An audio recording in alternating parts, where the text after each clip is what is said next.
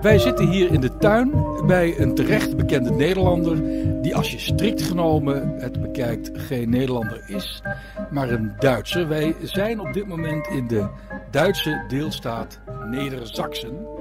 Maar onze gast in deze eh, derde zomeraflevering alweer van de Roomse Loper, die komt eigenlijk uit Noord-Rijn-Westfalen. Ja, En dan hebben we het over, ja over wie hebben we het dan? Bernhard Althoff. Dames en heren, Bernard Althoff, die we Stijn, want Stijn zit hier naast me in deze prachtige tuin, die kennen wij als Danny Christian. Danny Christian. Ik ben ontzettend blij, Stijn jij ook, Absoluut. Ik ook. omdat we zo van jou genoten hebben bij de beste zanger van Nederland, opgenomen in het schitterende Ibiza, waar jij toch echt hebt laten zien dat jij eigenlijk een grote ster bent. Nou, ik heb mezelf nooit zo gezien in deze rol als grote ster. Dat wordt dan gezegd. Ik vind het altijd, blijft voor mij een beetje gênant klinken. Omdat het zoiets heel groots betekent. Want ik ben een hele grote fan van Neil Diamond bijvoorbeeld. En die is voor mij echt een hele grote ster. Maar eh, daarbij bekeken ben ik maar een klein lichtje. maar het, het, het gaat mij eh, in feite erom dat je mensen kan bereiken. En Beste Zangers heeft mij eh, de kans gegeven om uit mijn slagerkastje te springen. Want eh, in zo'n kastje word je namelijk altijd snel geduwd eh, als je slagerzanger bent. Eh, van dit is de, de stemmingzanger van Rosamunde en Hoeba Hoeba Hop en tichtallen van dit soort liedjes. Maar dat zeggen dan ook alleen maar mensen die nooit echt naar een album van mij hebben geluisterd. Waar natuurlijk veelvuldig ander materiaal op staat als Vrijheid en Vrede. Uh, Freundschaft door Liebe, Grote Vrijheid. Eh, ehm, het, het, het, het, liedje eh, Bezinning. Allemaal nummers die een hele diepgaande tekst hebben. Die destijds werden geschreven door Harry Thomas, de man van het Slagenfestival. Maar ehm, toch heb, heb, ik die stempel van Rosamunde. Ik ben trots op die stempel. Daar niet van, want ik blijf dat nummer zingen. En ik mag terugkijken op op eh, heel veel hits eh, in mijn carrière. eh, waar ik trots op ben. En ik zal ze ook blijven zingen. Alhoewel ik ze meer nu in, zeg maar, in medley vorm doe. En de nieuwe dingen dan volledig zing. En ik kreeg de kans om te zeggen: Kijk eens, lieve mensen die geen albums kopen om dan te luisteren. die Danny Christian die kan ook wat anders dan alleen maar eh, Polonaise. Die kan ook een mooi nummer als Geef me je angst. Wat ook een slager is. eh, eh, zingen. Dat weten veel mensen niet, maar het nummer is geschreven door Oede Jurk. En André Hazes heeft het gecoverd. Hè?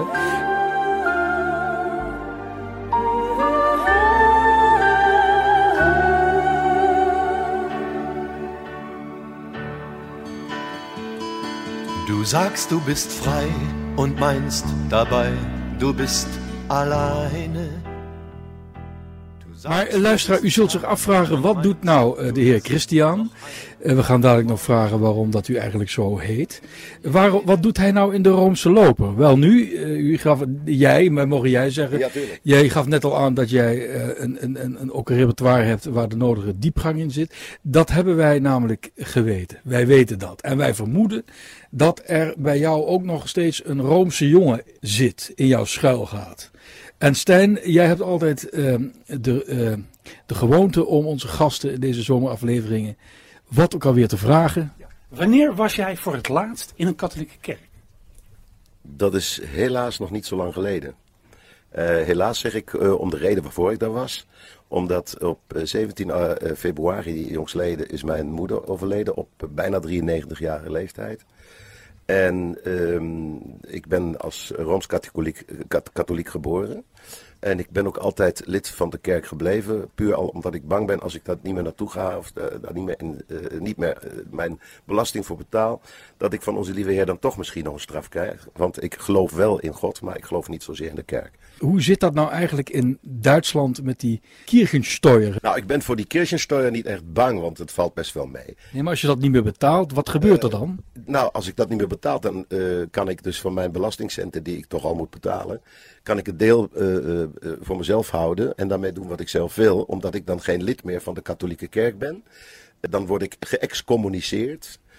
Dat betekent dus, ik eh, krijg ook niet meer de sacramenten als ik ooit doodga. Ik word niet op een katholiek eh, kerkhof begraven. Eh, en al dit soort eh narigheid. Dat is, Stijn, dat vinden wij toch eigenlijk schandelijk? Ja, dat, eh, zijn, daar zijn we niet zo moeilijk in. Nee, maar, maar dus de staat die int dus de belastingen voor de kerk. Er staat int dus inderdaad als een soort uh, kassa de belasting voor de kerk, het geld wat naar de kerk toe gaat dan. Goed, even genoeg over het slijk der aarde. Je had het over jouw dierbare moeder, die is overleden. daar was een uitvaart in, in je oude parochiekerk, of hoe, hoe ging dat? Dat was een uitvaart in de Sint-Nicolaaskerk in Bensberg, waar ik vandaan kom ja, dat was, het was vol met emoties natuurlijk. Het was enorm, enorm uh, gedragen. En de katholieke kerk heeft nogal de neiging heel strenge regels te hebben. Uh, ook wat betreft de, zeg maar het kiezen van liedjes, van, uh, van de muziek die je daar wilt spelen. Ik, ik wilde graag, en mijn broers ook en mijn zuster, een nummer van Andreas Caballé, die trouwens aan de Duitse versie van Sing My Song van de beste zangers heeft meegedaan een Beierse jongen die een liedje over zijn dode vader en zijn uh, zus, die, uh, zij hebben, uh, die zus heeft zich volgens mij zelf het leven genomen en de vader is ook overleden. En dat heette Einmal werden wir uns wiedersehen. In het, in het dialect. Zo'n prachtig nummer dat, ja, dat ik nu een brok in mijn keel krijg tijdens ja. ik erover nadenk. Ja. Dat mocht niet. Amoi, zeg maar ons wieder. Amor, ich schau ihr von oben zu auf meine alten Tag, leg ich mich dankend nieder und mach für alle Zeiten meine Augen zu. Dat mocht niet gedraaid worden. Uh, we konden wel um, want je mag daar niks neerzetten. Het, het, iemand had wel een gitaar kunnen pakken en het mogen zingen. Ja. Maar je mag daar geen luidspreker neerzetten. Geen mechanische muziek. Precies, je mag daar geen luidsprekertje neerzetten. Bij de protestantse kerk mag dat allemaal in Duitsland. Maar in bij de katholieken mag het niet. En dat vond ik al heel erg vervelend. Toen ging, ging ik al dus echt met een, een brok in mijn keel erin. Maar dan kwam de toespraak van uh, de geestelijke die was heel erg persoonlijk. Die was inderdaad zeer goed doorgesproken met ons broers en zus en, en, en, en de pastoor zelf. Uh, natuurlijk speelt het onderdeel uh, dat het een godsgenade is dat je dood mag gaan een grote rol. En dat je dan in uh, heilige grond terecht mag komen en al die dingen. En dat speelt nog steeds de hoofdrol ook bij alle kerkdiensten die dan voor degene worden gehouden. Ik heb al een paar kerkdiensten in de protestantse kerk, bij ons heet dat evangelische kerk, uh, uh, meegedaan. Dat vond ik veel, veel fijner. Dat was veel kleiner, veel intiemer, veel meer gericht op de persoon die je mist. En op het gevoel wat je daarbij hebt. En dat je op dat moment niet het, het, troost uh, dat het nu in, in de handen van God zich bevindt dat begrijpt wel iedereen, denk ik. Het is gewoon de troost die je vindt door de herinneringen, door de belevenissen die je gemeenzaam hebt gehad. En als je daaraan herinnert, dan krijg je het warm. Als ik in de auto zit en ik, ik, ik, ik, ik denk aan mijn moeder, eh, of ook aan mijn vader, die dit jaar eh, in oktober 25 eh, jaar geleden is overleden. Die is nog steeds zo levendig aanwezig in mijn geheugen. En in de auto ben ik alleen. Dan kan ik janken als een kleine jongen. Ik vind dat heerlijk. Niemand stoort me erbij en ik ben gewoon echt dan bij mijn vader of bij mijn moeder. Jouw moeder is thuis gestorven, heb ik begrepen. Was jij daarbij? Ik was er helaas niet bij, nee. Zoals zo vaak ben ik weer onderweg geweest. Ik heb haar voor het laatst gezien een week voor kerstavond. Ze is vroeger altijd, toen ze nog niet uh, zo sterk dement was, uh, de laatste jaren ze had ouderdomsdementie, dus gelukkig geen Alzheimer. Dat gaat dan veel sneller, maar ouderdomsdementie gaat wat langzamer. Ze kende haar kinderen en kleinkinderen nog steeds allemaal, gelukkig. Maar uh, twee minuten later was het vergeten dat hij op visite was. Dus uh, ik kon haar altijd een beetje terughalen weer in, in, die, in die fase. In gesprekken, door voor haar te zingen, van vroeger te praten. En ik heb vlak voor de kerst een beetje een klein mini-kerstconcert met haar gedaan. Wel met de iPhone gefilmd. Uh, dat zijn de memories die ik heb, die kan niemand mij opnemen ooit. Uh, en dan zingt ze alles mee. En dan is, heb je een Duits gedicht van, uh, van Draus vom Walde komme ich her. Ich muss euch sagen, es weihnachtet sehr. All überall auf den Tannenspitzen sehe ich goldene Lichtlein blitzen. en dan gaat dan verder. En dan ben ik begonnen. En dan maakt zij dat compleet af. En met een mimiek daarin, dat je ziet haar ogen stralen. En ze is er op dat moment compleet aanwezig wel in een andere wereld. Dus dementie betekent niet dat die man of die vrouw of de, de, mens zijn intelligentie of zijn humor verliest. Alleen het begrip voor tijd gaat verloren. En bepaalde herinneringen zijn in één keer weg. Ik vind het de hoogste straf die je kan krijgen als je je leven vergeet. Danny Christian. Je heet eigenlijk Bernard. Maar dat Danny Christian, kijk, wij, wij, wij denken en wij dromen bijna al over, over geloof en en christendom. Hè, Dus Danny Christian, dan denken wij, hé, hey, Danny Christian, hoe kom je aan die naam eigenlijk? Het heeft dus zeer zeker bij de keuze van de naam niks met Jezus Christus te maken. Dat kan ik dus nu al verzekeren. Ik heb daar zelf eigenlijk nog nooit bij stilgestaan. Maar nu in dit gesprek heeft het inderdaad iets. Misschien word ik daardoor heel goed beschermd. Wie weet het. De naam kreeg ik eh, opgestempeld destijds door mijn eerste eh, producer. Of beter gezegd zijn vrouw. Die ontdekte mij. Ik was leerling bij een grote Duitse verzekeringsmaatschappij in Keulen. Toen kwamen daar een fotografe en eh, nog een, een, een andere bij. En die vroegen, eh, want ze, ze waren bezig om een folder te maken voor nieuwe, om nieuwe leerlingen te werven. Ja, en ik was best wel een knap jongetje destijds. En toen werd ik gevraagd, eh, heb je zin om eh, 50 D-marken bij te verdienen om even twee uur van je werkplek af te gaan? Nou, ik denk, daar heb ik twee redenen. Twee uur van mijn werkplek weg en 50 mark erbij. Fijn. Dus, en eh, deze dame was ook verloofd destijds in ondertrouwen met een platenproducer. Bij wie in die tijd populaire jongens al onder contract stonden. Waar ik naar zat te kijken in de ZDF Hitparade en in de, eh, de ZDF Disco met Ilja Richter. Waar ik altijd ooit wilde komen. Want dat was mijn droom, mijn kinderdroom. En, eh, en ze vroeg mij, kun je eigenlijk ook zingen? Ik zeg ja. Oh ja, dan zing maar eens even wat voor. Nou, en ik begon wat te zingen, wat toen in die tijd populair was. Ik weet niet meer, bij god niet meer wat het was. Ze zei, weet je wat, hier heb je mijn kaartje. En eh, bel me even en dan maken we een afspraak. Nou, en toen, veertien jaar later, zat ik bij hem thuis eh, in het Colonia-gebouw. dat hele hoge hooghuis daar. Zo'n wolkenkrabber. eh, en en eh, daar woonde hij in de negentiende etage. En toen eh, zat hij daar met zijn gitaar en dan speelde hij wat slagers en die zong ik allemaal na. En toen kreeg ik mijn platencontract, mijn eerste. Maar toen zeiden ze, er zijn al te veel mensen met de naam Bernd. Je had Bernd Spier, Bernd Apits, Bernd Kluver, de jongen met de mondharmonica en eh, al die grote hits. Dus we moeten voor jou een andere naam verzinnen. Het was de tijd van de dubbele voornamen. Denk maar aan Jurgen Marcus. Eh, en toen kreeg ik Danny Christian. Ja, en waarom Christian? Geen idee. Ja, het klinkt natuurlijk geweldig goed, de- deze naam Christian. Het betekent christen. Ja. Maar eh, je, je hebt dus werkelijk geen idee. Nou, dat is dan. Stijn, kunnen wij dit eh, toerekenen eh, aan de voorzienigheid? Nou, dit, dit- hier is sprake van goddelijk ingrijpen. Dat moet eigenlijk wel, Ik moet je Danny. eerlijk zeggen, ik ben daarvan nu ook overtuigd. Even over, ehm, je bent 61 als ik me niet vergis. Ja. ja. Dus je bent geboren in 1956. Ja. Opgegroeid eind jaren 50, eind jaren 60. Het was een een- hele goede jaargang destijds. Het was een hele goede jaargang. Je bent opgegroeid in een, dat weten we nu, in een Rooms-Katholiek gezin. Hoe zag dat, dat er thuis uit? Bijvoorbeeld werd er aan tafel gebeden? Oh ja. Oh ja, eh, dat weet ik nog heel erg goed. S'morgens bij het ontbijt niet. S'avonds bij het avondbrood ook niet. Maar smiddags, want in Duitsland eten we altijd smiddags warm. Wat is dat eigenlijk? Toen was het altijd, ja, dat is een gewoonte geweest. Maar dat was bij ons in Brabant ook, hè? ik weet niet. En op, en op een gegeven moment ging dat veranderen. Dan vroeg ik, mam, wat eten we vanavond? En dan zei ze middageten. en dat was dan warm. Maar ik kan mezelf dat gebed nog, dat middaggebed kan ik me nog heel goed herinneren. Gelukkig was het te kort, hè. Want ik had altijd honger, ik wilde eten. En dat heette, kom Heer Jezus, zij onze gast en zegne was du ons bescheret hast. Amen. Toen waren we klaar Mooi, mooi. te eten. En wat aten jullie dan? Oh, dat was... eh, Brood, braadwoest en nee, zenf. Nee, eh, eh, nee, nee, ook sauerkraut met zenf, dat kwam ook voor. Maar, eh, weet ik, mijn moeder kon heel goed koken in ieder geval. Dus eh, mijn vader hield van vlees, dus we hadden vaak vlees. En elke zondag naar de kerk? Het was elke zondag naar de kerk eh, en wel eh, de mis om kwart over elf. Vanaf kwart voor één was de kroeg geopend. En dan gingen we naar de laatste mis, want mijn vader ging daarna nog even naar de shoppen in de, in de, in de kroeg. Kun jij je nog iets, iets herinneren van theater, van het oude ritueel van de Roomse kerk?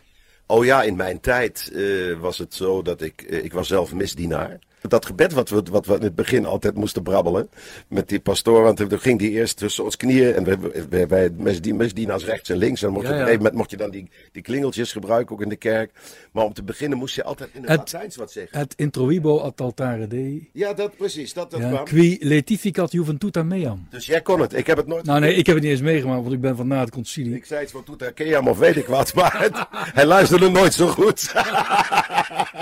Ja. Toetang Amon of weet ik wat. Maar ik, eh, in ieder geval, eh, ik heb het nooit echt helemaal uit mijn hoofd geleerd.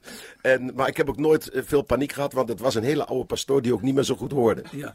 En ging je ook te biecht? Eh, daar ben ik eh, niet zo vaak geweest. Nee, daar ben ik echt niet zo vaak geweest, want dat, eh, nee, dat vond ik niet zo gezellig. Je ging dan niet naar de kerk, je ging langs de kerk. Ja, ja, ja. En, zeg maar twee van de drie keer. ja. Dus eh, dat deed ik dus ook. Ik heb ooit een portret gemaakt van Gerard Cox. Ja. Een van de beste Nederlandse zangers, vind ik. Een heel goede zanger. En die is ook Rooms opgevoed. Later zelfs bij de, bij de broeders op kostschool. En die zegt, ik heb in de kerk theater geproefd. Dan heb ik de betovering van, ook van het zingen. Hij heeft in de, in de kerk leren zingen. Geldt dat voor jou ook? Nou, ik weet dat ik mijn vader altijd heel hard heb horen zingen, eh, zondags in de kerk. Want hij ging altijd boven eh, een- op een plek waar de orgel stond. Het oksaal. Daar, daar stond hij altijd. En dan mocht ik daar af en toe mee. En dan, mijn vader had een prachtige stem ook. En hij kende echt elk liedje uit zijn hoofd. En dan zong hij zo keihard dat je het echt beneden kon je zijn stem overal horen. Hij was eigenlijk zo'n beetje solist. En ik stond dan aandachtig naar hem te kijken. Ik dacht van, jongens, kijk eens, dat is mijn vader. Wat een mooie stem. Ja. Dus in feite ben ik ook daar in de kerk een klein beetje met dat zingen in aanraking gekomen.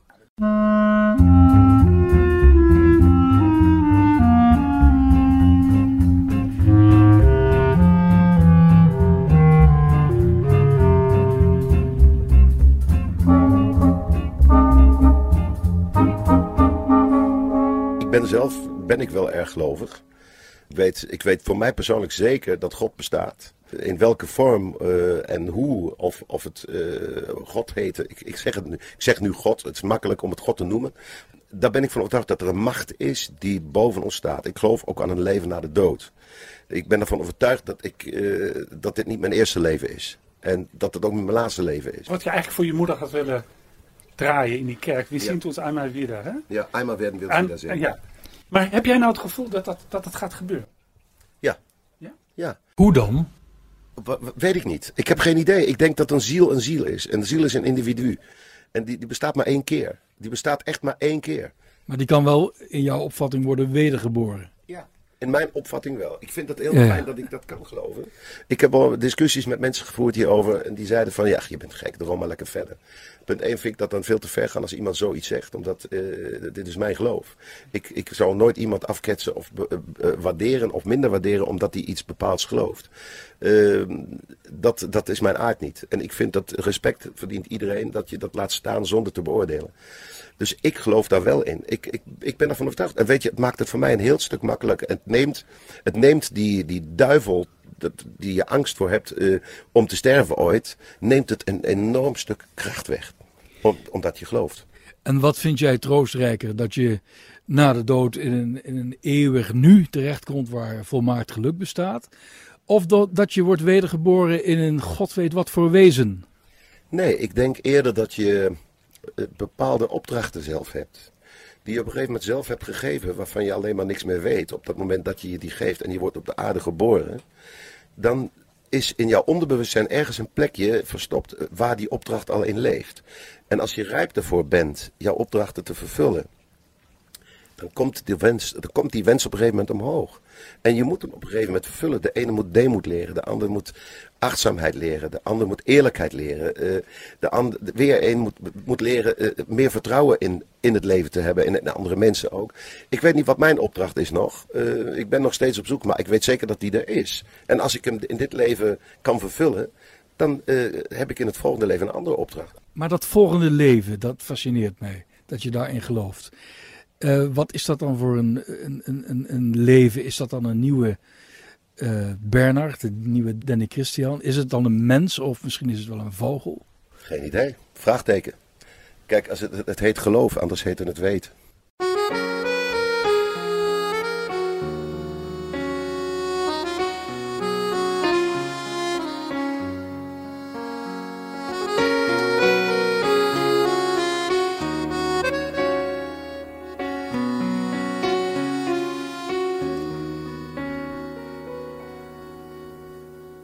Als er nooit meer een morgen zou zijn en de zon viel in slaap met de maan, heb je enig idee wat het met je zou doen als je nog maar één dag zou bestaan?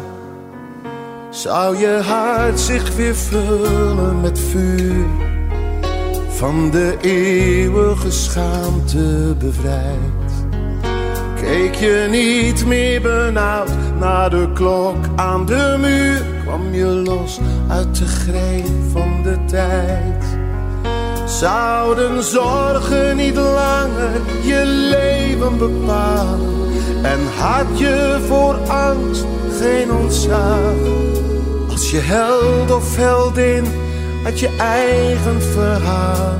Al was het dan maar voor één dag. Als er nooit meer een morgen zou zijn, ja, dan zijn we toch eigenlijk wel gedwongen om in het heden te leven.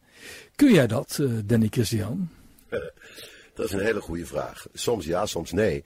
Dat is, eh, dat is, kijk, je hebt natuurlijk momenten waar je echt heel goed voelt. Waar je sterk voelt. Waar je, waar je zeg maar eens bent met jezelf. Met alles wat om je heen gebeurt. Je bent tevreden. En dan kan ik inderdaad heel erg goed genieten van het moment. Want uh, we, mensen hebben de neiging altijd te plannen. Plannen, plannen, plannen, plannen. Het liefst nog jaren vooruit te plannen. Dat is de grootste onzin, want je zet jezelf daarmee enorm onder stress en onder druk. En ik, ik denk altijd, uh, dat is ook zo'n scène uit, uh, uit The Sound of Music bijvoorbeeld. Daar wordt ook gezegd van waar onze lieve Heer een deur sluit, daar opent hij een raam. En ik ben altijd, zeg maar zo, ik ben altijd gelijk weer op, dat zoek, op, de, op zoek naar dat raampje. Als ik ergens met iets nieuws begin, dat ik een, een, een plan B heb. En ik vind dat heel belangrijk. Maar het, het is echt een heel fijn gevoel als het je eventjes lukt om die angst voor die klok die aan de muur hangt, een keer te vergeten en gewoon het nu te genieten. Hier en nu, jetzt. Jij hebt uh, nog niet zo lang geleden een uh, burn-out gehad, als ik me niet vergis. Dat ging even niet zo goed. Ja. Je hebt hulp gezocht. Ja. Uh, laten we zeggen, God sloot even een raam. Ja. Deed hij ook gelijk weer een, een, deur open? Nou, hij sloot een deur, wou ik zeggen. Wou ik zeggen. Het, het raampje bleef open. Ik zat echt aan de rand van een burn-out. Want ik voelde me gewoon heel ja, treurig. Ik werd s morgens wakker en ik had geen zin om op te staan. Danny Christian die zich treurig voelt, dat lijkt me een zeer onnatuurlijke situatie. Ja, en toch is het zo. Kijk, ik ben geen jukebox waar je een gulden in gooit en dan komt er een gezellig liedje uit. Uh, je bent een mens en je wordt gevormd natuurlijk ook door hetgene waar je mee bezig bent. En soms is de last die je draagt enorm. Omdat je verantwoording hebt, niet alleen voor jezelf. Je hebt een gezin, je hebt uh, kinderen, je hebt kleinkinderen, je hebt vrienden. En dat, dat is mijn grote familie. En ik voel me daarbij betrokken en ik voel me daarbij ook verantwoordelijk. Mede voor dat het iedereen goed gaat. En je hebt ook momenten dat de tijden gehad dat, uh, dat, je, dat, ja, zeg maar, dat het vooruitzichten voor mij in het vak niet zo rooskleurig waren. En je, ik werd, in één keer werd ik 50 en ik denk, godverdorie, wat is dat nou? Wat, wat ben ik nou een oude lul aan het worden? Of, of, of, of wat ben ik voor iemand? Willen de mensen me nog, nog wel zien? Want uh, in dit vak krijg je, waarschijnlijk, ik weet niet of het aan dit vak ligt of, of iedereen dat heeft, maar ik krijg de tijd niet om erover na te denken dat ik ouder word. Dat is aan de ene kant wel heel fijn, want ik heb steeds met jeugd te maken en iedere keer weer met nieuwe jeugd en nieuwe uitdagingen. Aan de andere kant krijg je natuurlijk ook pas later kans om echt volwassen te worden. Want als je heel vroeg succes hebt, dan blijf je heel lang erg naïef en erg goedgelovig. En uh, je trapt in heel wat dingen uh, waar je normaal niet zo, als je goed nadenkt en volwassener zou zijn en rijper zou zijn, niet zozeer zou intrappen. Aan de andere kant, het vormt je ook weer. Als je het overwint, is het prima geweest. Maar in een tijd dat je inderdaad zo'n beetje in de overgang komt, zo noem ik het een keer, uh, dan begin je toch het leven ook uh, te relativeren en anders te zien met een ander zicht erop. Dieper. Maar heeft God jou, want God als hoge macht, heeft hij jou, ja, heeft hij jou gestuurd in die periode? Ik heb het idee van wel, ja. Ik heb dat gevoel al vaker gehad. Ja. Dat, uh, dat, dat ik dacht van, nou hier ben ik niet echt zonder steun uitgekomen uit deze situatie. De, daar, moet iemand, daar moet iemand mij geholpen hebben. En ik zeg dan ook spontaan op dat moment, dankjewel lieve heer. En dan heb jij het niet over de therapeut. Die heeft jou heel goed geholpen, heb ik gelezen. In een interview met het AD. Ja. Maar die is, uh, die, ik ben ook niet zo, ik geloof niet in toeval. Dus ik ben niet per toeval aan die therapeut geraakt. Dus uh, dat, ook dat is, uh, dat moest zo zijn. Het moest ja. gewoon zo zijn. Ja. Maar, uh, dus ja, het lijkt de uitdrukking goed. Dus God sluit een deur en opent een raam. De beste zanger van Nederland, afgelopen maanden uitgezonden. Gigantisch succes. Zou dat zo'n raam kunnen zijn, wat voor jou geopend is? Oh ja, dat noem ik zelf een deur. het blijft verwarrend. Deur dat noem ik echt een deur, omdat uh, ja, ik heb, ik heb, ik heb gewoon uh, het, het, het moment uh, zo ondervonden dat ik dacht van, zo, nu ben ik vrij. Nu ben ik echt vrij. Nu krijg ik zoveel op Twitter, op alle, socials van Danny, eh, laat bel Eubank dat hij voor jou een album schrijft. Of wie dan ook. Doe ballads en wat niet allemaal, wat voor adviezen je krijgt. En ik zei van nee jongens, ik ben en ik blijf altijd een slagerzanger. Alleen weten jullie nu dat het ook anders kan. En zeer zeker ga ik nu geen, eh, eh, zeg maar, eh, verwonderde blikken meer zien. Of DJ's die zeggen, Danny Christian met een ballad, dat kunnen we niet draaien.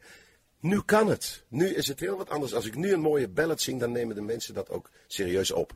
En dan weten ze ook dat het uit mijn hart komt. Even toch, toch die vraag. Wat is nu eigenlijk de definitie van een slager? Wat is dat nou eigenlijk? Ja, als je, veel, als je echt terugkijkt, eh, wat het eigenlijk is, het, het heeft een eigen leven gekregen. Slagen is inmiddels voor, voor veel mensen een eigen genre. Maar helaas, eh, moet ik dan zeggen, wordt het nog steeds verkeerd beoordeeld. Want ze stoppen het alleen maar in de hoek van Polonaise, hoempapa, bierfeesten en dit soort dingen. Ja, maar dat, dat was toch ook zo? Nee. Wij, als wij vroeger naar die Duitse televisie keken, allemaal lange tafels en allemaal hey, la la la. En dan dachten we, wat een sentimenteel gedoe Ja, maar allemaal. wat, is dan, wat is dan het nummer Doe van Peter Maffay? Oké, dat vonden wij een fantastisch nummer. Is dat een Ja, slager? natuurlijk is het een slager. Of, Oké. het, of het nummer Gib mir deine angst. Het origineel van Geef mij nu je angst. Van Udo Jurgens is een slager. Eh, zo heb je zoveel voorbeelden. Want het, het, woord, het Duitse woord betekent dus eigenlijk Een hit. Eigenlijk hit, slaan. hit. Ja, ja, ja. Een geslaagd iets. Ja, ja, ja. Het wordt wel met SCH geschreven. hè? Maar dan zeg je eigenlijk. Ja, ja, nee, het wordt met SCH geschreven. Maar dan zeg je ik ben een slagerzanger. Met andere woorden, ik zing alleen maar hits. Eh, ik ben van plan om nu alleen nog maar hits te zeggen. Eh, een goede hit is ook een levenslied, toch? Natuurlijk. Ja. Uiteraard, want kijk, als je, eh, als je, een, een, een, zeg maar, als je een tekst voorgeschoteld krijgt. Hè? Je, je zingt een lied wat een ander compleet voor jou heeft geschreven. En dat is dan een levenslied. Dan is die opdracht volgens mij heel moeilijk voor jezelf. Want dan moet je iets eh, vertegenwoordigen. Je staat er voor iets met je mimiek, met je, met je zang, met je interpretatie van het nummer. Alsof je het uit jouw eigen hart komt. En daarom eh, zijn we de laatste tijd eh, echt heel druk bezig om steeds meer liedjes zelf te schrijven.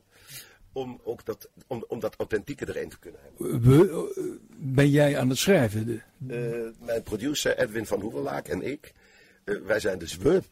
En, en schrijf jij dan de muziek of de lyrics? Wij doen alles samen dan. Wij doen dat beide. Ik ben, eh, volgende week ben ik weer een dag in Holten, want daar is de studio. En, En daar- wie, wie is de Lennon en wie is de McCartney? Kijk ook bij Lennon en McCartney, die konden allebei beide. Dus die hebben zoveel liedjes ook samen geschreven, zowel tekst en muziek. En wij eh, trachten dan gewoon een liedje samen te schrijven. Alhoewel, moet ik eerlijk toegeven, wij zullen nu een tekst schrijven. Want de melodie bestaat al. De melodie is een bestaand nummer weer van Udo Jurgens. Omdat ik ben, en ik ben nu eenmaal een grote, eh, een grote eh, Udo Jurgens fan. En hoe heet dat nummer? Dat ga ik nu nog niet zeggen, dat mag ik nog niet zeggen. Oh, alles hadden we dat even kunnen, hadden we even kunnen laten draaien. Nee, ook, wij wachten het met spanning Maar wat ik af. wel mooi vind dat jij zegt, is eh, over de beste zanger. Ehm, je bent vrij. En je zei even dat je eigenlijk een opdracht hebt in het leven. Iedereen heeft een opdracht. En op het moment dat je die opdracht hebt vervuld, ben je misschien wel klaar om door te gaan. Is misschien wel jouw opdracht geweest om vrij te zijn? Om je vrij te voelen? En is dat nu misschien wel het geval? Om mezelf te vinden, hè? is misschien ook een goede uitdrukking. Wie weet, het, het zou kunnen. Het voelt in ieder geval goed aan. Maar je kan, niet, je kan het niet alleen. Nee, je kan het niet alleen. Nee, je hebt altijd eh, iemand nodig. Je hebt eh, eh, iemand nodig die je vertrouwt. Met wie je op een level zit en met, met, waar je elkaar in de ogen kunt kijken en kan zeggen van ja, Zou je ook kunnen zeggen dat het wordt je ook gegeven? ja Gegund door, weet ik veel, het, iets, iets, eh, iets groots, iets machtigs? het, het woord gunnen vind ik een heel goed woord trouwens. Er wordt eh, deze wereld veel te weinig gegund. Dat is gewoon een feit. Eh, alles wat je gegund wordt, eh, is eigenlijk al een succes. Al is het voor jezelf maar een succes. Een succes is niet alleen maar per definitie iets wat, wat, wat geld oplevert.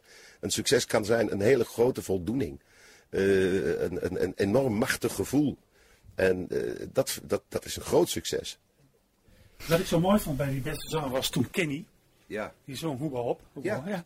En dan wordt het een heel ander nummer. Ja, terwijl het ook, het het, terwijl het, ook het, het, het- de charme had dat het nummer, wat het nummer altijd gehad heeft. Het is, het is, eh, ik had er nooit op gerekend dat überhaupt eh, iemand Hoeba zou zingen. Ik, had, eh, ik was bereid geweest om mijn auto daarvoor te verwedden. Maar ik ben blij dat ik het niet gedaan heb. Maar ik was zo blij dat dat gebeurde. En de manier waarop. Het was ook echt alleen maar Kenny die dat moest doen. Die dat echt moest doen, want hij deed het zo authentiek, zo los van alles en zo met zoveel vrolijkheid. Het kaatste ook tussen ons heen en weer tijdens de uitzending. Die, die vrolijkheid. Dat, ik was het liefst opgesprongen naar hem toe en had meegezongen. Laten we een stukje eh, gaan beluisteren daarvan. Hop, hop, hop, hop, hop. In het was ik blij, tussen de hoge bomen. Maar jouw vrienden hebben mij met zich meegenomen. Maar Supilami, aardig beest, al ben je ver van huis. Zowaar als ik Guus Vlater heet, bij mij voel jij je thuis. Zeg Guus, dat is fideel, dat vind ik crimineel. Wij zijn twee vrienden, jij en ik. Wij zijn twee vrienden, jij en ik. Wij blijven altijd bij elkaar, al worden we meer dan honderd jaar. Wij zijn twee vrienden, tot de laatste stik. En nu? Hoeba, hoeba, hoeba, hop. Hoeba, hoeba, hoeba, hop, hop. Wij zijn twee vrienden, met een gouden hart. Het vak waarin jij zit. Daar wordt vaak over gezegd, ja, dat, dat, is, dat is één groot feest. Maar het is een heel, heel zwaar vak, toch? Het is één grote pool met om allemaal haaien vinden. In dit vak heb je niet echt veel echte vrienden. Het is, eh, het is, een, het is een, een pot vol met, met allemaal egoïsten, zou je kunnen zeggen. Voor het grootste gedeelte. En eh, omdat eh, het, dat factor gunnen, dat is iets wat nog niet echt is aangekomen in dit vak. En dat eh, is erg, erg jammer. Ik ben ook niemand die veel op feestjes is in het vak, die veel met collega's omgaat. Ik heb een paar collega's die voor mij echt vrienden zijn geworden in de loop der jaren. Die, vinden het ook fijn, dat wat met je gebeurt op dat moment. En die reacties krijg je ook. De allereerste die naar me toe kwam, dat was nog tijdens de opnames van Beste Zangers, was Jan Smit. Die eh, kwam naar me toe en hij zei, man Danny, wat heb ik me toch enorm vergist in jou. Maar Jan Smit is ook katholiek. Komt uit een katholiek dorp. Volendam. Kan niet missen gewoon. Wie weet, zielsverwant. nou, het, het is inderdaad een open mens eh, met een eh, heel fijn wezen in zich. Dus echt fantastisch. Eh, de eerste beste vriend van mij werd destijds Nico Haak. Eh, Nico was de eerste die mij aan tafel haalde bij Volle Tour. Nadat ik daar een paar hits had. En Harry en ik, we zaten altijd alleen. Niemand kwam bij ons aan tafel zitten. Foxy Foxtrot. hè? En nog zoveel andere hits. Ja. En Nico zei, ik ben het nu spuugzat. Ik kom bij jou zitten, zul je zien hoe ze allemaal komen. In één keer zaten ze allemaal bij ons. Ben jij ooit in gevaar geweest? Ja, ja, meermaals. Vooral in gevaar om eh, eh, domme dingen te doen natuurlijk. Want eh, als je 17 bent of 18 en je hebt een dikke hit te pakken met Rosamunde... dan ben je nog zo jong, zo naïef en zo dom dat je gelooft als iedereen tegen je roept... je bent de mooiste, de beste en de, en de, en de, en de, en de grootste. Dan heb je de naïviteit dat je dat gelooft. En je hebt in één keer duizend vrienden om je heen. Wat fijn zeg. En je, je, je, je betaalt en je betaalt en je betaalt. Je verdient 1 euro met de linkerhand en je rekent met de rechter 2 euro uit. Totdat de belastingen komen. Nou, en die kwamen dan na een half jaar en toen zat ik daar in de Pineri. En, en op het gebied van drugs? Ik ben nooit een drugsgebruiker geweest. Ik, ben, eh, ik heb eh, hier en daar wel eens een glaasje bier gedronken en een glaasje wijn. Eh, daar ben ik dan ook alweer bij, meer dan twee jaar geleden mee gestopt. Want ik wilde gewoon eens een keertje weten hoe dat is als ik een keer niet na een, een optreden thuis kom en nog een beetje, biertje of twee thuis drink. Om, om, om zeg maar alles te, te, te, te laten zakken en dan naar bed gaan. Nou, dat beviel me zo goed dat ik besloten heb iedere keer weer een maand te verlengen. Eh, maar eh, ik, ik zeg ook niet nee als ik, een, als, als, ik een, eh, als ik op een feestje ben bijvoorbeeld. Daar ben ik heel eerlijk in. En, en om half tien is iedereen dronken. En dan beginnen ze echt dom verhalen te vertellen en echt dom te kletsen. Dat, dan word ik of heel erg moe en ga weg. Of ik ga even buiten, rook een stikkie en daarna kan ik er tenminste om lachen. Een sticky. Ja, dat is het enige wat ik, als je dat drugs wil noemen, eh, een beetje wiet eh, roken, vind ik dat, eh, oké, dan gebruik ik drugs. Maar dat interesseert me niet. Dat, dat gebeurt eens in de drie, vier maanden. En daar ben ik echt heel erg voorzichtig mee. Eh, nou heeft het christelijk geloof ons heel veel gegeven. in de loop van de geschiedenis, maar ook de tien geboden. Zullen we zeggen, een, een soort, soort kompas waarnaar je kunt leven. Heeft dat voor jou een rol gespeeld? Heb jij zoiets van een kompas van dingen, die dingen doe ik niet en die dingen doe ik juist wel? Nou ja, ik ben, niemand, ik ben niet de mens die zich nu precies aan de tien geboden houdt. Als je me vraagt, noem ze ze alle tien op in de juiste volgorde, dat zou ik echt niet voor elkaar krijgen. Maar eh, we hebben in Duitsland en ook in Nederland zeer zeker normen ontweerd, zo noemen we dat. Eh, normen en waardes en eh, sociaal gedrag en dit soort dingen. En dat heb je of dat heb je niet. Je kan het ook leren natuurlijk en je krijgt het ingeklopt. Hoe dan ook wie, maar ik vind het heel belangrijk. En ik vind eerlijkheid belangrijk. De mogelijkheid eerlijk te mogen zijn en te kunnen zijn. Niet aan jezelf denken, ook aan een ander denken. Eh, dat vind ik ook heel belangrijk. Eh, met een open hart en open ogen door het leven gaan, want dan leer je dat ook. Dus ik, ik vind normen en waarden vind ik heel belangrijk. Ook zeker in de opvoeding eh, met kinderen, kleinkinderen en dit soort dingen. En wat is voor jou de, de, de, de voornaamste waarde in het leven? Eerlijkheid eigenlijk. Zärtlichkeit für eine Nacht findest du ganz leicht. Wenn dir das genug ist, um zu leben. Doch suchst du nach Ehrlichkeit, wird das sehr schwer sein. Ehrlichkeit heißt immer sehr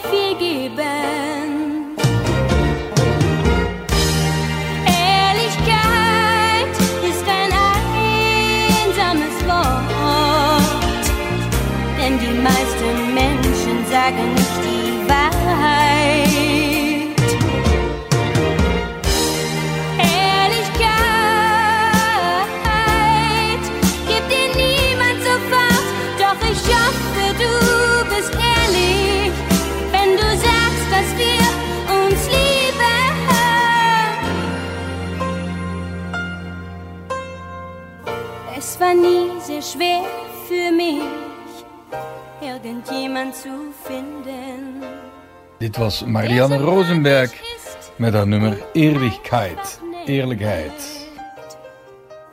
Het is een mooie deugd. Ehm, ik wil het ook hebben over eerlijkheid hebben. En dan w- wat betreft de katholieke kerk in Duitsland. Die is natuurlijk geplaagd door dat enorme schandaal van eh, seksueel misbruik. Ja, het is een, een tijd geleden nog het, eh, eh, het koor uit Regensburg. Hè, waar vreselijk veel kinderen zijn misbruikt. Waar veel kinderen ook zelfmoord hebben gepleegd. Ja. Ehm, voor veel Duitsers was dat schandaal aanleiding om eh, uit de kerk te stappen. Hè? Hoef je ook geen belasting meer te betalen. Jij hebt die stap niet gemaakt. Heb je er wel over nage- om gedacht om dat te doen? Eh, zeer zeker. Dat is in die tijd ook bijna gebeurd. Eh, toen was ik bijna echt zo ver.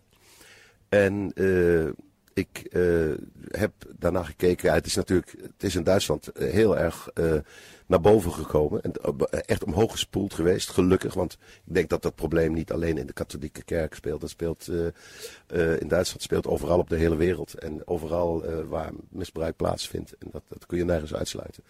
Alleen de manier waarop daarmee werd omgegaan, deels eh, om het weer te eh, ver- ver- verdoezelen en weer klein te houden. En dan gaat die pastoor gewoon naar een ander gebied waar bijna niemand is, of weet ik wat. Eh, daar heeft gelukkig deze pauze is daar volgens mij mee begonnen om daar toch een beetje meer op te ruimen. En degene die nu in Rome op de, op de grote troon zit, is wel een persoon waar, die wel weer een klein beetje meer vertrouwen heeft terug kunnen halen in de Rooms-Katholieke Kerk.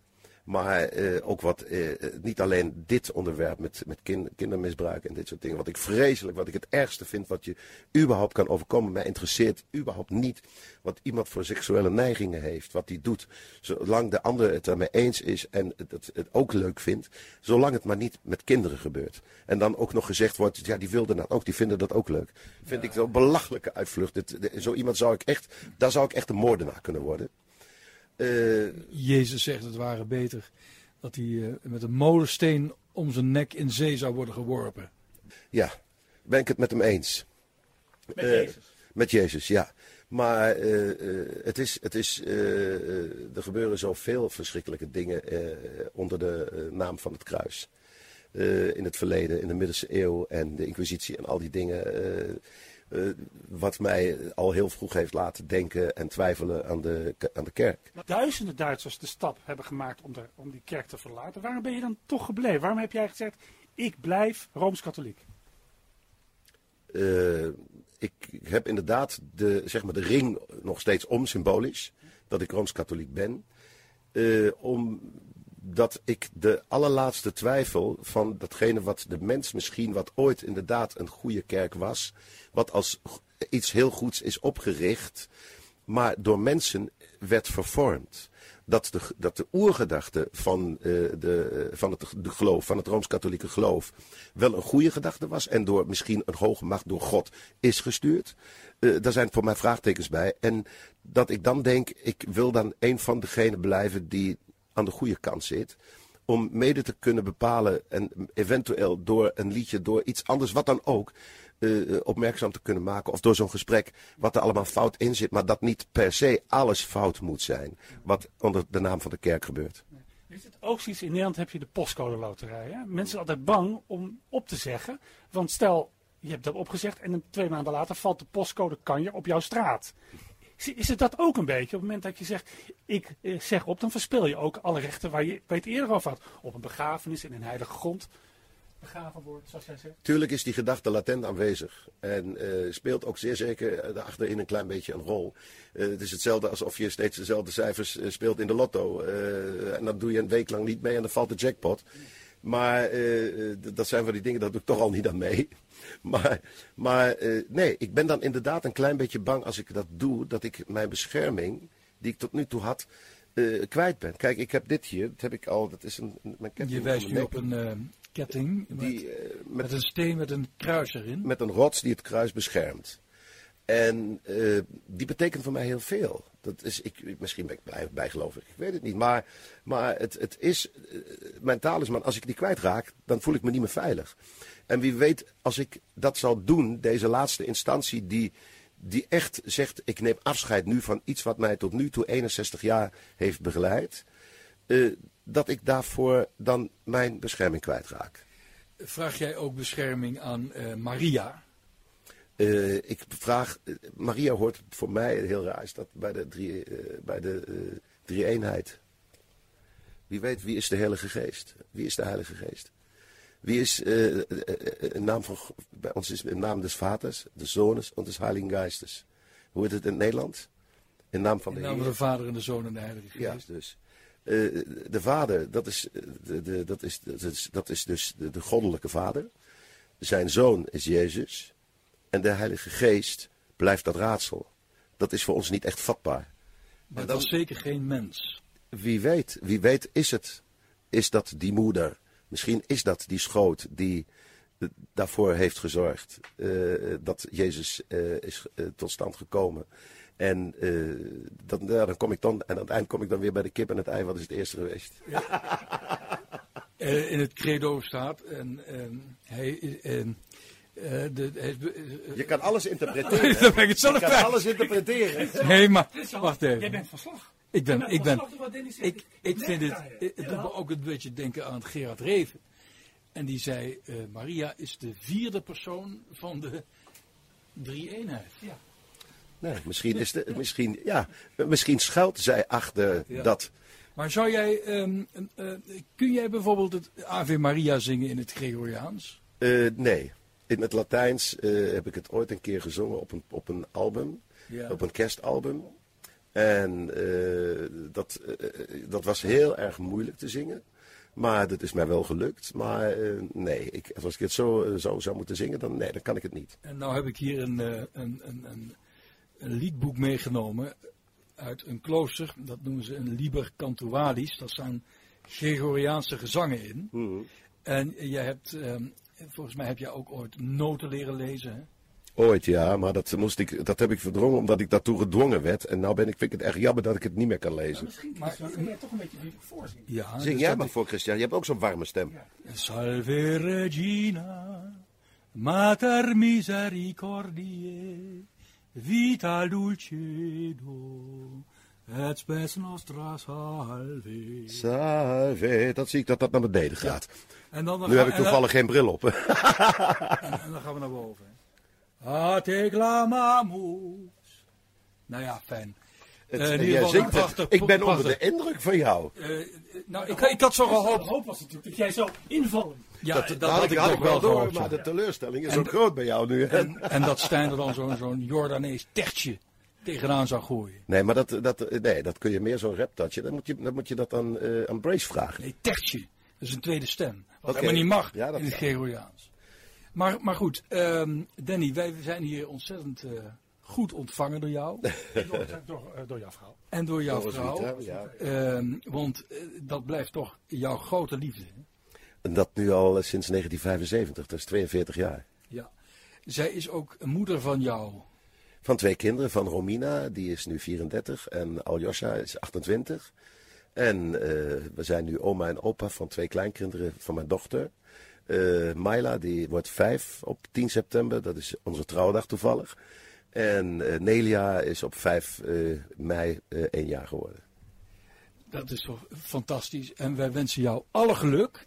Maar wij verlaten, wij verlaten deze tuin, die ook helemaal op de kinderen en klein, op de kleinkinderen is ingericht. Want we zitten eigenlijk aan een soort strand. Met, met emmertjes en met een, soort, met, een met, een, met een beetje water. Net als, oh, ik kom uit Zandvoort. Ja. Daar kwamen de Duitsers altijd naartoe. Het- en ik zit eigenlijk nu omgekeerd in Duitsland aan het strand. Dat is, Ja, de Duitsers zijn ook watermensen. Net als onze koning, hè? Ja, ja. Eh, eh, eh, wiens moeder jou een compliment heeft gemaakt. Wat, Klopt. ja, Klopt. Het was, was een enorm compliment. Een paar jaar geleden was ik uitgenodigd eh, in het paleis in Duitsland bij de Duitse bondspresident. Ik dacht eerst is Bananasplits, maar was het niet. Voor, het was zo'n beetje de afscheidstournee van Beatrix. En ze kwam het laatste staatsbezoek en er waren Maxima en Willem-Alexander ook bij. Nou, en ik werd uitgenodigd om aan de, tafel, aan de tafel te gaan, mee te eten. En achteraf kwam, ze, kwam zij naar me toe en zei tegen mij: eh, Ik wil u complimenteren met uw fantastisch Nederlands. Kijk, Bijna hoor je het is van een ander, hè? Ik voelde als een ridderslag. onderscheiding wou ik Ja, zeggen. ja, ja, ja, ja. Maar kijk, wij willen je eigenlijk toevertrouwen aan Maria natuurlijk. Omdat eh, op heette Maria. Nou, dat is helemaal mooi. En op 15 augustus is het groot hoogfeest van Maria Hemelvaart. Wordt hier ook gevierd. Maar wij willen jou ook toewijden aan ehm, de patroon van alle zangers. Eh, de eerste slagerzanger van de katholieke kerk. Zo, wat ben ik benieuwd. En dat was Sint Franciscus van Assisi. Aha, Franciscus van Assisi. Hij is de schrijver van het zonnelied. Ja, oké, ja, ja, ik, Ja. Weet nog, ik weet nog over wie het heeft. Ja, oké. Nou, dus eh, dan moet je het mee doen eh, deze zomer. Eh, ja. Eh, mag ik nog één ding? eh, het is, we, zitten hier, we zitten hier heerlijk, we hebben heerlijk gegeten. Jij bent, ik moet zeggen, je bent al 61, maar je ziet eruit alsof je 25 bent. Nou, ah, Dus van hou binnen- nou eens op. Van binnen voel ik me zo. Ja. Maar ooit komt er toch een moment, en ik vind het toch vreselijk te moeten zeggen, dat jij ook dit aardsbestaan zult moeten gaan verlaten. Het is wel ongezellig wat je daar nou... moet toch even zeggen, en dan zullen, zal jij net als jouw moeder uit de kerk worden weggedragen. Vraagteken. Vraagteken. Nou ja, laat van uitgaan dat dat een kerk is waar je wel mag draaien wat je wil. Welk nummer van jezelf moeten ze daar draaien? Van mezelf. Oei. Dat is nou echt een hele moeilijke.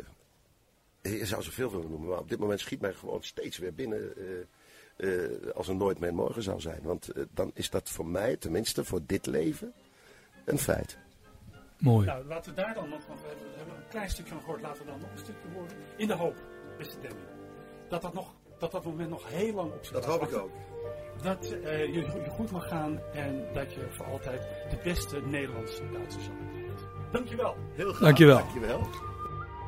Zou de toekomst niet langer je denken beheersen en leefde je voor het moment met een luisterend oor voor het kind in jezelf zou je eindelijk zijn wie je bent. We verbannen de dromen naar morgen en later, maar doet het je stiekem geen pijn? Dat je dan pas zou doen wat je altijd al wou, als er nooit meer een morgen zou zijn.